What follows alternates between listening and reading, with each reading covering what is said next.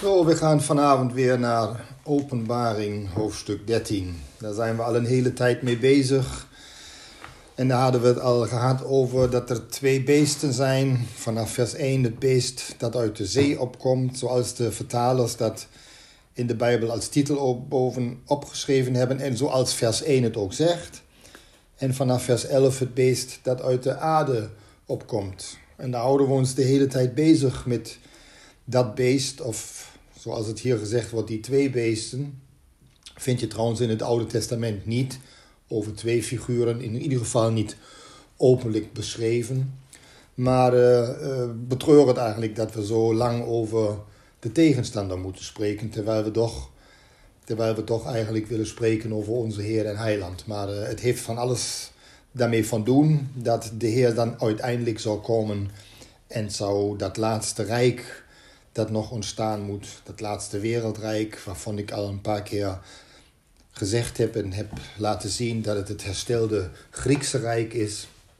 En dat de Heer zal komen en dat hij het vernietigen zou. Dat is die steen die komt en die alles verbrijzelt en die dan uiteindelijk zijn koninkrijk op aarde zou oprichten.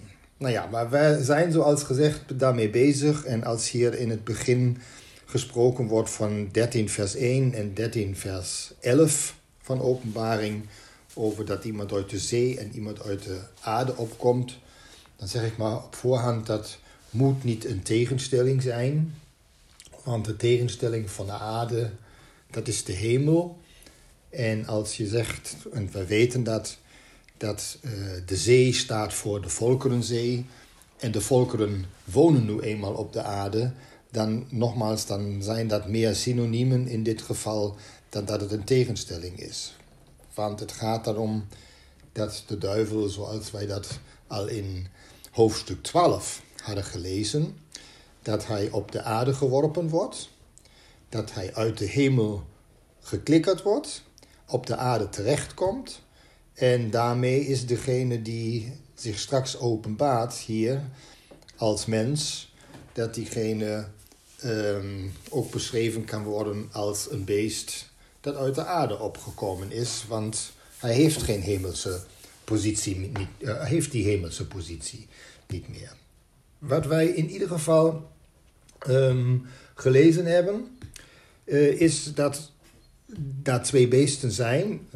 Want we hadden gewoon gelezen in, uh, in, in, vers 4... en zij aanbaden de draak die het beest macht gegeven had. Dus dat beest dat uit de zee opkomt, uit de Volkerenzee... die wereld, die, die koning die daar komen zou...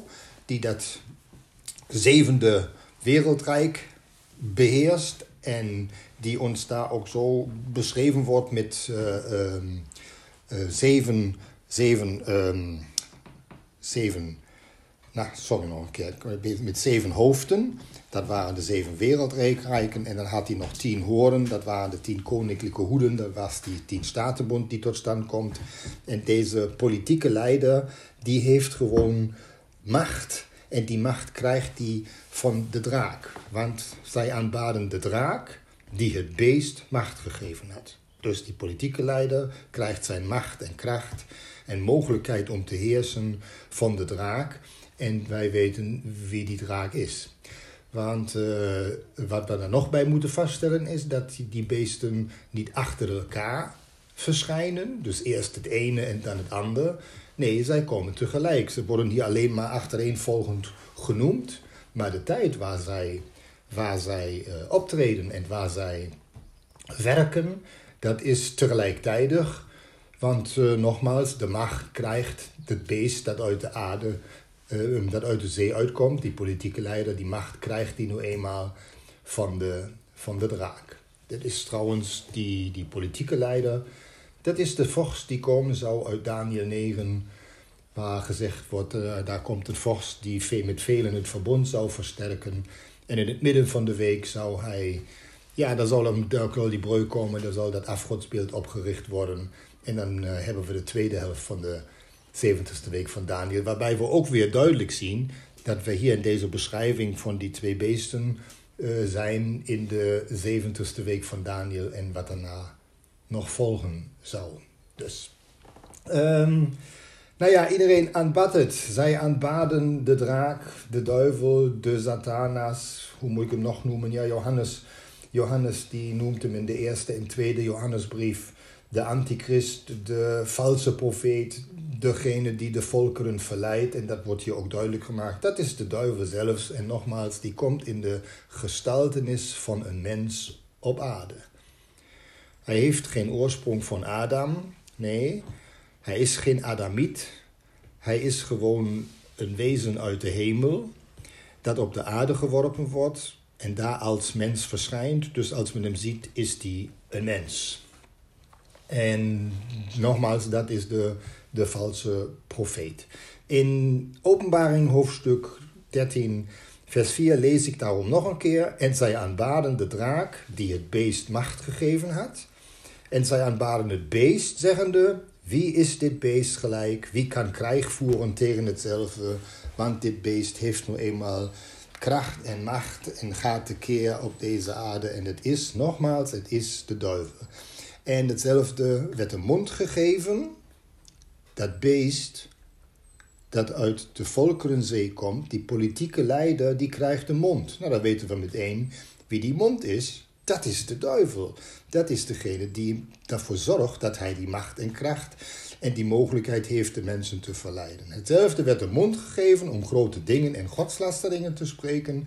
En hetzelfde werd macht gegeven om te doen Zulk staat er niet. 42 maanden, en daar hebben we die tijdsaanduiding. 42 maanden brengt ons weer in de 70ste week van Daniel. En in dit geval bij de eerste helft. Want u heeft gewoon de mogelijkheid om te doen wat hij doen wil. Hij heeft de macht en hij zal de mensen verleiden. En daar begint hij, daar begint hij in en bij het Joodse volk in de eerste helft van de 70ste week van Daniel. Hij zou namelijk lasteringen spreken, grote dingen spreken. Hij heeft die macht om dit te doen, namelijk actie te voeren, zeg maar bezig te zijn. Hij is eigenlijk diegene die daar komt, die we uit Openbaring 6 kennen op dat witte paard, die wel een boog heeft, maar geen pijlen. Dus hij is machtig en uh, hij heeft een kroon, en dat wil zeggen, hij kan doen wat hij wil en dat doet hij ook. En dan hebben we het verschil met vers, tussen vers 5 en vers 6 hier in Openbaring 13. Want hij opent dan zijn mond tot lastering tegen God, om zijn naam te lasteren en zijn tabernakel en die in de hemel wonen. Dus we hebben in vers 5 de beschrijving van de eerste helft van de 70ste week van Daniel, waar diegene die daar komt macht uitoefent en uh, de mensen overtuigt en dingen spreekt. Hij heeft een grote mond en hij kan ze verleiden. En in vers, in vers 6 gaat het dan iets radicaler aan toe. Dan komen lasteringen tegen God. Daarom wordt het hier ook twee keer vermeld, omdat het ook twee verschillende dingen zijn. Eerst nogmaals staat er lasteringen. En dat kan 42 jaar lang duren. En dan staat er lasteringen tegen God in vers 6. Om tegen hem en degenen die in de hemel wonen te lasteren. En daar wordt dan ook vers 7 bij, wat in vers 6 gezegd wordt. Want in vers 7 staat dan, en het werd macht gegeven om de heiligen krijg aan te doen en om die te overwinnen. En hetzelfde werd macht gegeven over alle geslacht en taal en volk. Dus het begint ermee dat in de helft van de 70ste week van Daniel opeens dit afgodsbeeld wordt opgericht. De gruwel der verwoesting. Ehm, waarvan geschreven staat dat iedereen zich daarvoor zal moeten buigen. En dat gaat ook door. Dat afgodsbeeld staat daarna dat de tweede helft van de 70ste week van Daniel afgelopen is. Nog steeds en dat Rijk van Babel gaat dan, gaat dan over de hele wereld regeren. En daar staat ook dit afgodsbeeld. En dat zou gewoon doorgaan. En hij zou overwinnen. En het werd macht gegeven over alle geslacht en alle taal en alle volk. Nou, um, nogmaals, die lastering tegen God. Aan de helft wordt dat afgodsbeeld opgericht dat wij goed kennen uit Matthäus 24. Waar ook daar weer gezegd wordt dat men daarop zou letten. Als je dan zult zien de gruwel der verwoesting. Want er zou verwoesting zijn tot aan het einde toe. En als men dat ziet, dan let erop. En de schrift wijst daar nadrukkelijk op. Want het is niet alleen maar zo dat men dat nu allemaal letterlijk en fysiek de, te zien krijgt in die tijd waar, die, waar het boek Openbaring geschreven werd. Nee, maar het wordt vooruitgezegd en men zou daarop letten, want het gaat om dingen die in de Bijbel verborgen zijn en die hier in Openbaring ons dan ook geopenbaard worden. En zo hebben we dan um, vers 8. En alle die op de aarde wonen, allen die op de aarde wonen, die zullen Ehm, die zullen hetzelfde aanbidden, welke namen niet geschreven zijn in het boek des levens des lams, dat geslacht is van de grondlegging der wereld. Allen die op de aarde wonen. Daarom zei ik, het breidt zich uit over de gehele aarde. En allen aanbidden het, met uitzondering van, want het staat je daarbij. Allen welke de namen, welke namen niet geschreven zijn in het boek des levens. Die die zullen aanbidden. En nou ja, er zijn natuurlijk welke die tot geloof gekomen zijn in verschillende fases. Moet ik misschien nog even daarbij zeggen dat als de zeventigste week van Daniel begint, dat is ja bij de opname van de gemeente, dan zijn er geen gelovigen daar. Dan zijn alle gelovigen van de aarde verdwenen. Dat wordt gecompenseerd daardoor, daar hebben we het over gehad, dat de twee getuigen, Mozes en Elia, in de straten van Jeruzalem het evangelie prediken. Dan zullen zich heus wel, hoeveel, dat zien we niet, dan zullen zich mensen bekeren. En die, die snappen dan dat ze opgeroepen worden om te vluchten. En zolang dat in de eerste helft nog mogelijk is, te vluchten in de woestijn waar hun een plaats bereid is. Als die gruwel der verwoesting opgericht wordt, en is geen vluchtmogelijkheid meer, en dan zal men ook niet meer vluchten als dat de laatste seconden voordat, voordat de tweede helft begint, is er nog mogelijkheid. Als je dan op dak bent, kom er snel af en loop eruit, want daarna in de tweede helft is het niet meer mogelijk. Wie dan tot geloof zou komen, die zou gewoon gedood worden, die zou gewoon gematteld worden. En dan hebben wij nog die tijd waar de Heer dan terugkomt op de Olijfberg, ook daarna zullen in de wereld natuurlijk mensen tot geloof komen. En als zij tot geloof gekomen zijn, dan staan zij ook in het boek des levens. Maar ze zouden dan niet dit beeld moeten aanbidden. Want als ze daartoe gedwongen worden en ze doen dat, dan hebben ze gewoon pech gehad. Dat is altijd het punt dat zij dan niet meer, ehm, omdat ze zich hebben laten verleiden, dat ze dan niet meer staan in het boek des levens en dat ze dan ook niet in de zogenoemde duizend jaar ingaan als dat koninkrijk van de Heer Jezus Christus over de gehele aarde gevestigd is. Dus, dus je staat of in de boek des levens of niet. Als je dat beest aanbidt, ja, dan, uh, dan heb je de Heer Jezus verlogend en dan hoor je daar zo niet bij. En in vers, um, in vers 9 staat dan, indien, indien iemand oren heeft, die horen. Deze uitspraak hebben we al vaker gelezen. Wie oren heeft, die horen. Als, de, als Johannes de brieven aan de geesten der zeven gemeenten schrijft, dan staat er ook elke keer weer bij: wie oren heeft te horen, die horen.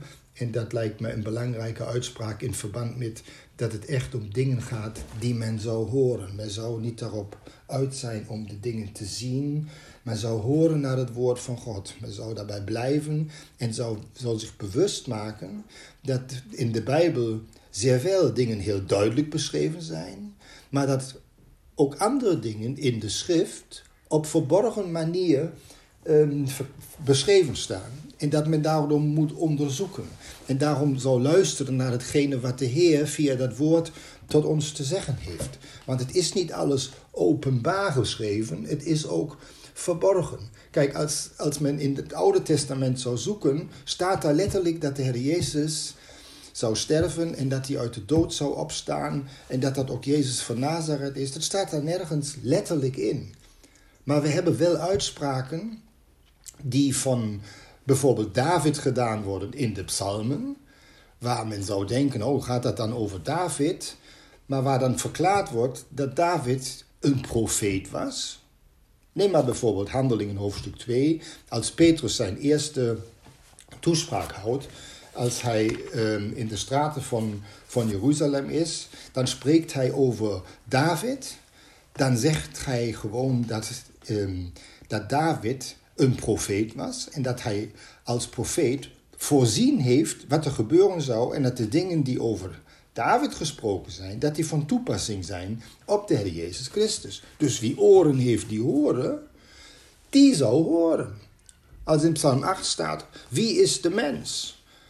Dan kom je toch in het Oude Testament niet erop, wie is die mens eigenlijk? Maar David, de psalmist, die wist dat wel. Die stelt die vraag en die die zegt ook, ja, dat is die mens die komen zou. Dat is in de volgende psalmen beschreven. Degene die zegt, red mij uit de steelmuil. Die zegt, uh, waarom, waarom bent u zo ver van mijn verlossing? En de strijd die gevoerd moet worden. En het gaat allemaal over de Heer Jezus. Als in Jezaja staat, hij werd als een lam ter slachtbank gevoerd. En hij deed zijn mond niet open. En hij was de ellendigste van alle mensen. Maar hij heeft de, de zonden van ons op zich genomen. Ja, dan is ons duidelijk, want we luisteren naar hetgeen wat de schrift te zeggen heeft. Dan is voor ons duidelijk, het gaat over de Heer Jezus. En in, in, ehm, in handelingen, om, om dat nog een keer te bevestigen, ik heb het even opgeslagen hier. Um, daar staat in Handelingen 2, vers 30. Also hij dan, David namelijk, hij dan een profeet was en wist dat God hem met ede gezworen had dat hij uit de vrucht zijner lenden, zoveel het vlees aangaat, de Christus verwekken zou, om hem op zijn troon te zetten. Zo, zo heeft hij, David, die profeet, zo heeft hij dit voorziende gesproken van de opstanding van Christus, dat zijn ziel niet is verlaten in de hel, nog zijn vlees verderving heeft gezien en deze Jezus heeft God opgewekt waarvan we alle getuigen zijn.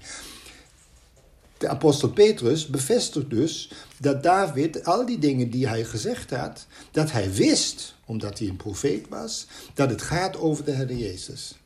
En daarmee staat de dood en de opstanding van de Heer Jezus in principe in het Oude Testament. Maar niet letterlijk beschreven, maar op een bedekte manier. En altijd als wij nu lezen, wie oren heeft die horen, dan weten wij, ah, let op, let op. Net zoals in Matthäus 24, waar um, in Matthäus 24 gezegd wordt in verband met de grote verdrukking, wanneer hij dan zult zien de groei der verwoesting, waarvan gesproken is door Daniel, de profeet, Daniel ook profeet, net als David een profeet, staande in de heilige plaats.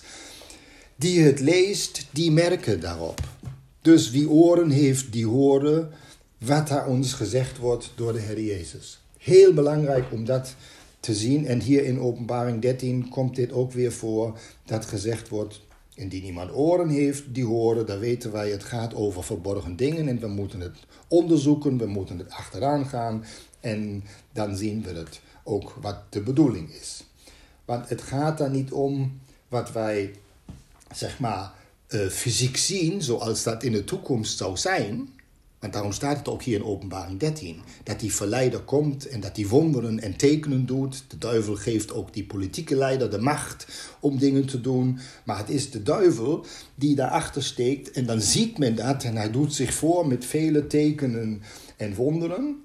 En de bedoeling is dat men zou horen. Dat men zou horen wat God te zeggen heeft en niet erop uit zou zijn welke wonderen en tekenen zo'n beest of zo'n mens doet. Dat is wat men vandaag in vele zogenoemd christelijke kringen eigenlijk ook graag wil. Dat er op wonderen geschieden, geschieden. Dat men het letterlijk zou zien. In plaats van dat men luistert en hoort naar dat wat de schrift te zeggen heeft. Is men daar liever op uit, oh, er komt vuur uit de hemel. Of daar komt dit, of daar wordt dit gedaan. En dan ziet men het en dan denkt men, oh ja, daar, daar moet, dat is wel de waarheid. Maar het gaat erom, wie oren heeft, die horen. En let op wat de Heer Jezus Christus ons in de schrift te zeggen heeft. Want we hebben dat profetisch woord dat zeer vast is. En daar zouden wij op letten en daar zouden wij acht op geven. En dan zullen ons de dingen ook duidelijk worden. Dus in vers 10 van Openbaring 13. Indien iemand in de gevangenis leidt, die gaat in de gevangenis. Indien iemand met het zwaard zal doden, die moet zelfs met het zwaard gedood worden. En hier is de leidzaamheid en het geloof der heiligen. Is een beetje wat een, ja, zou ik het zeggen, een, een onduidelijke uitspraak.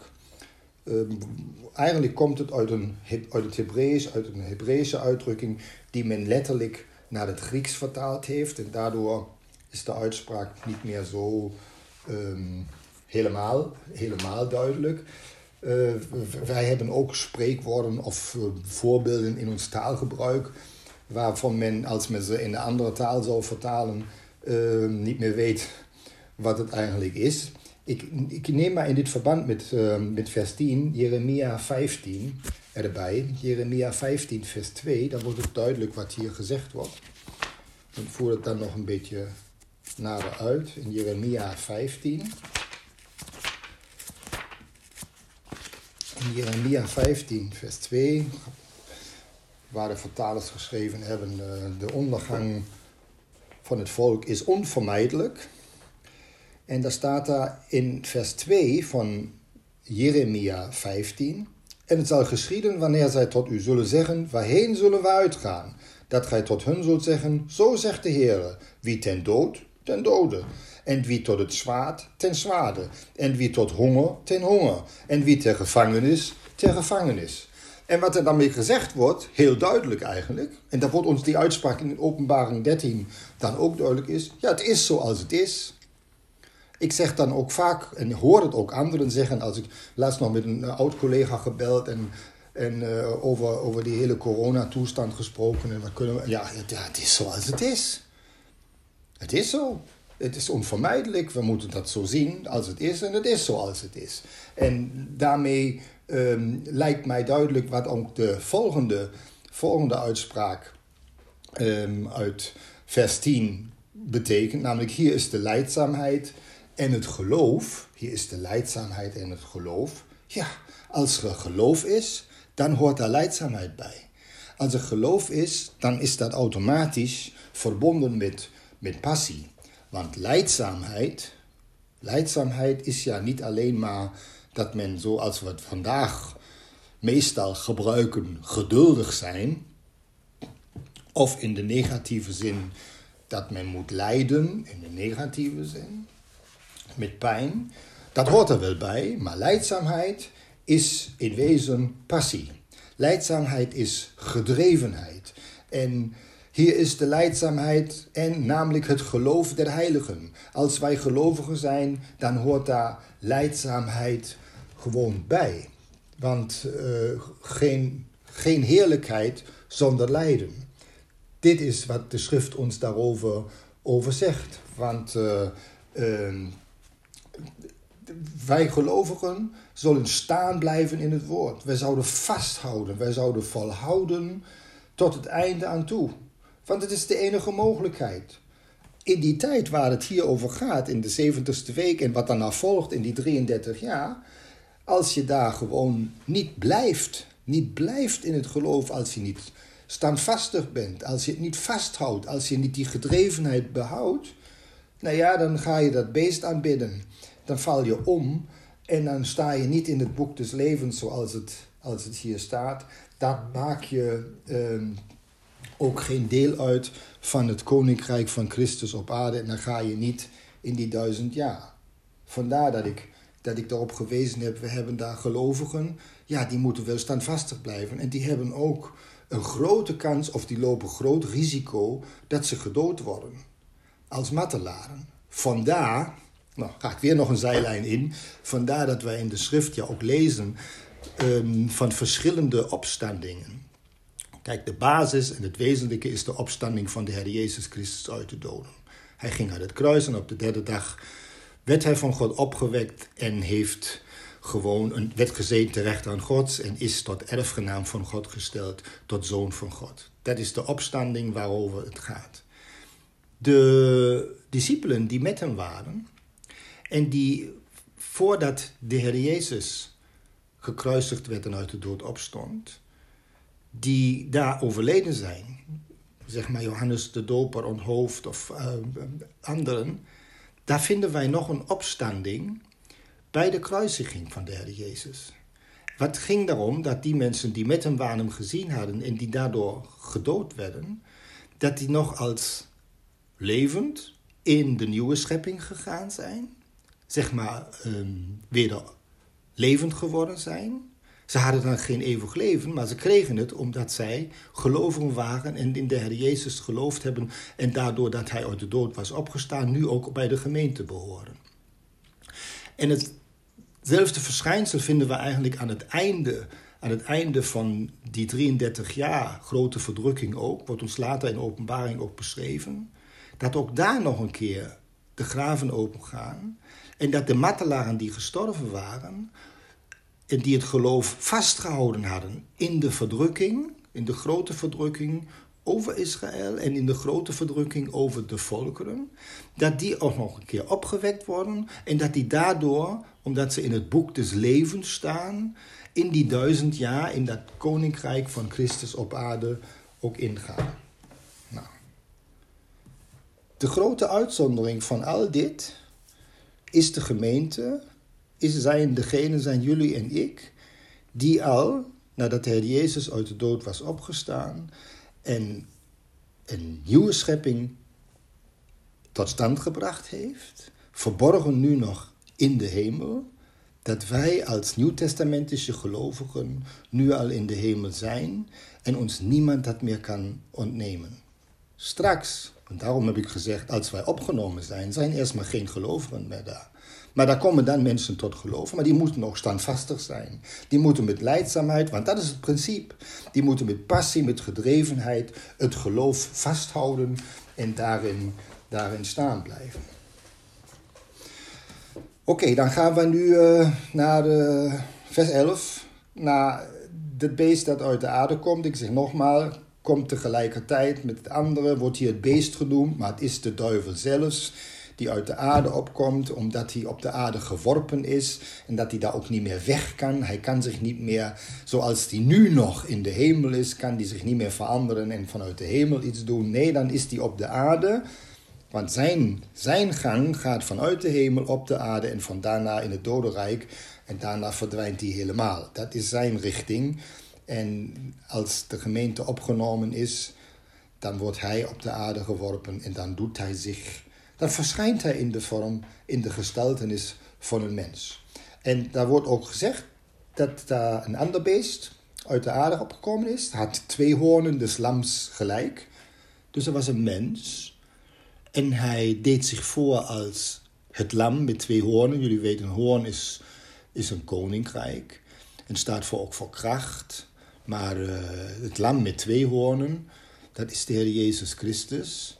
Die die beiden beide partijen van Israël, de twee stammen en de tien stammen, tot één zou, zou leiden en samen zou voeren. En diegene die, diegene die hier komt, ja, die doet zich voor als de Christus. Is de valse profeet, is de antichrist.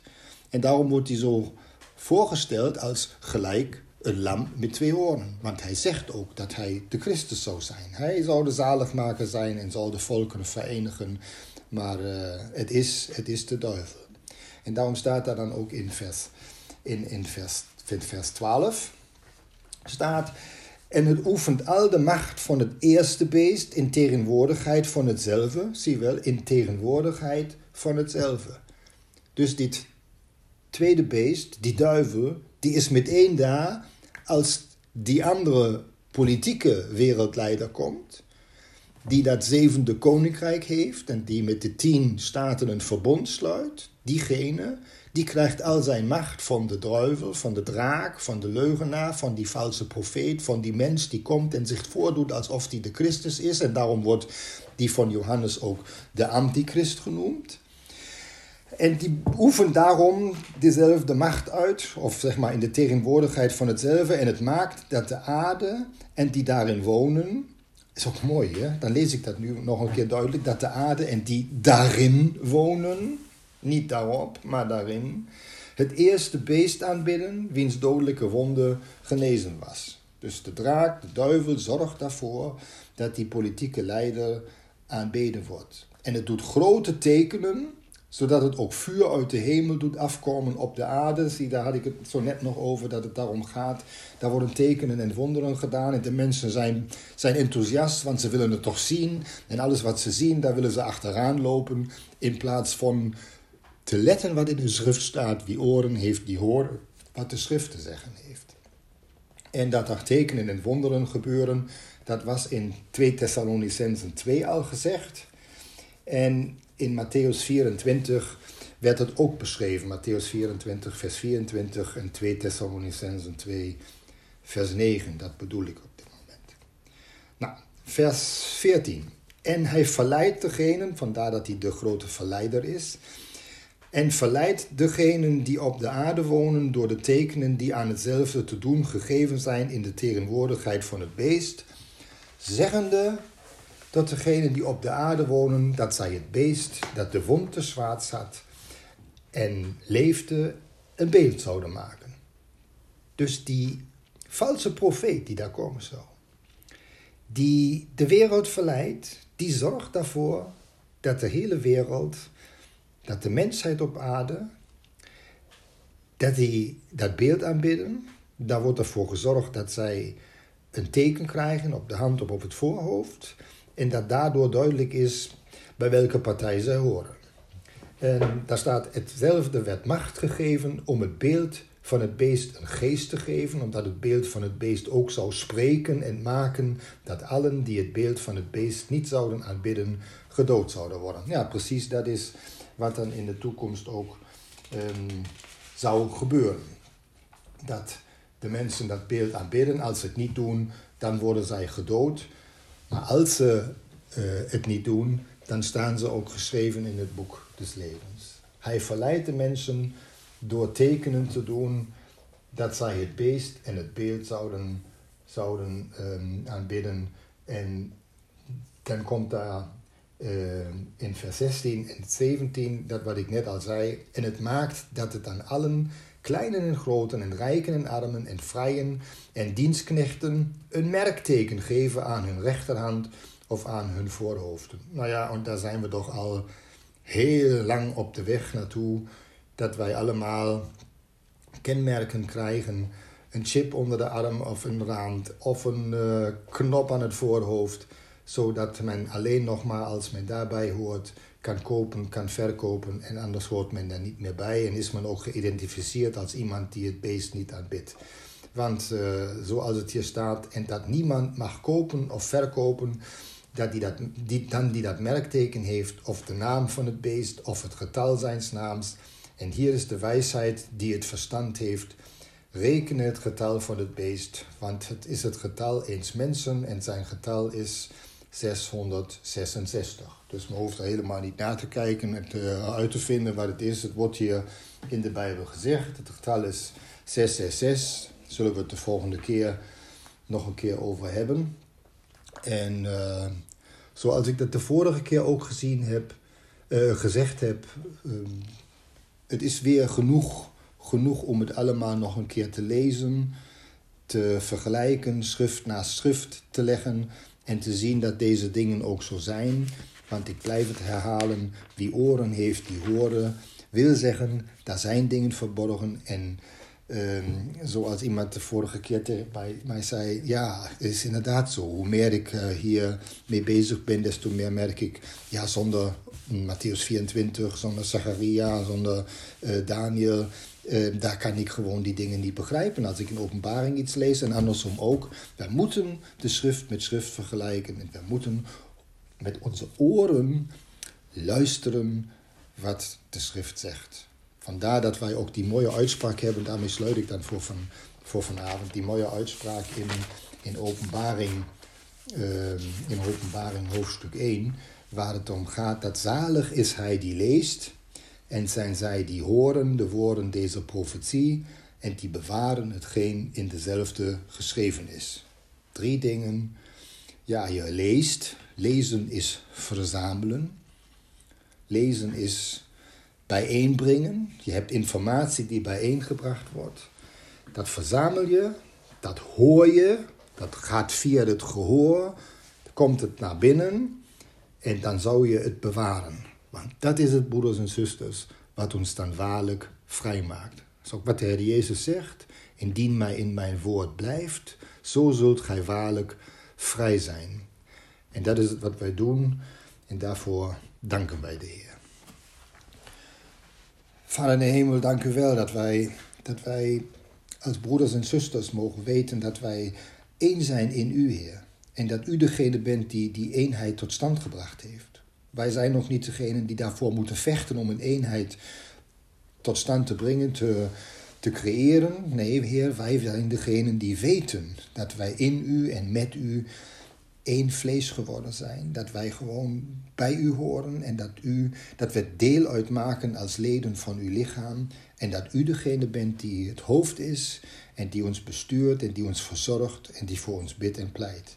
En bij alle dingen die zich hier, die zich hier voordoen, bij alle dingen die hier ook zichtbaar zijn, weten wij, wij zijn met u verborgen in de hemel, omdat u ons daar naartoe gebracht hebt. In onze gedachten weten wij, in ons geest weten wij, wij zijn bij u.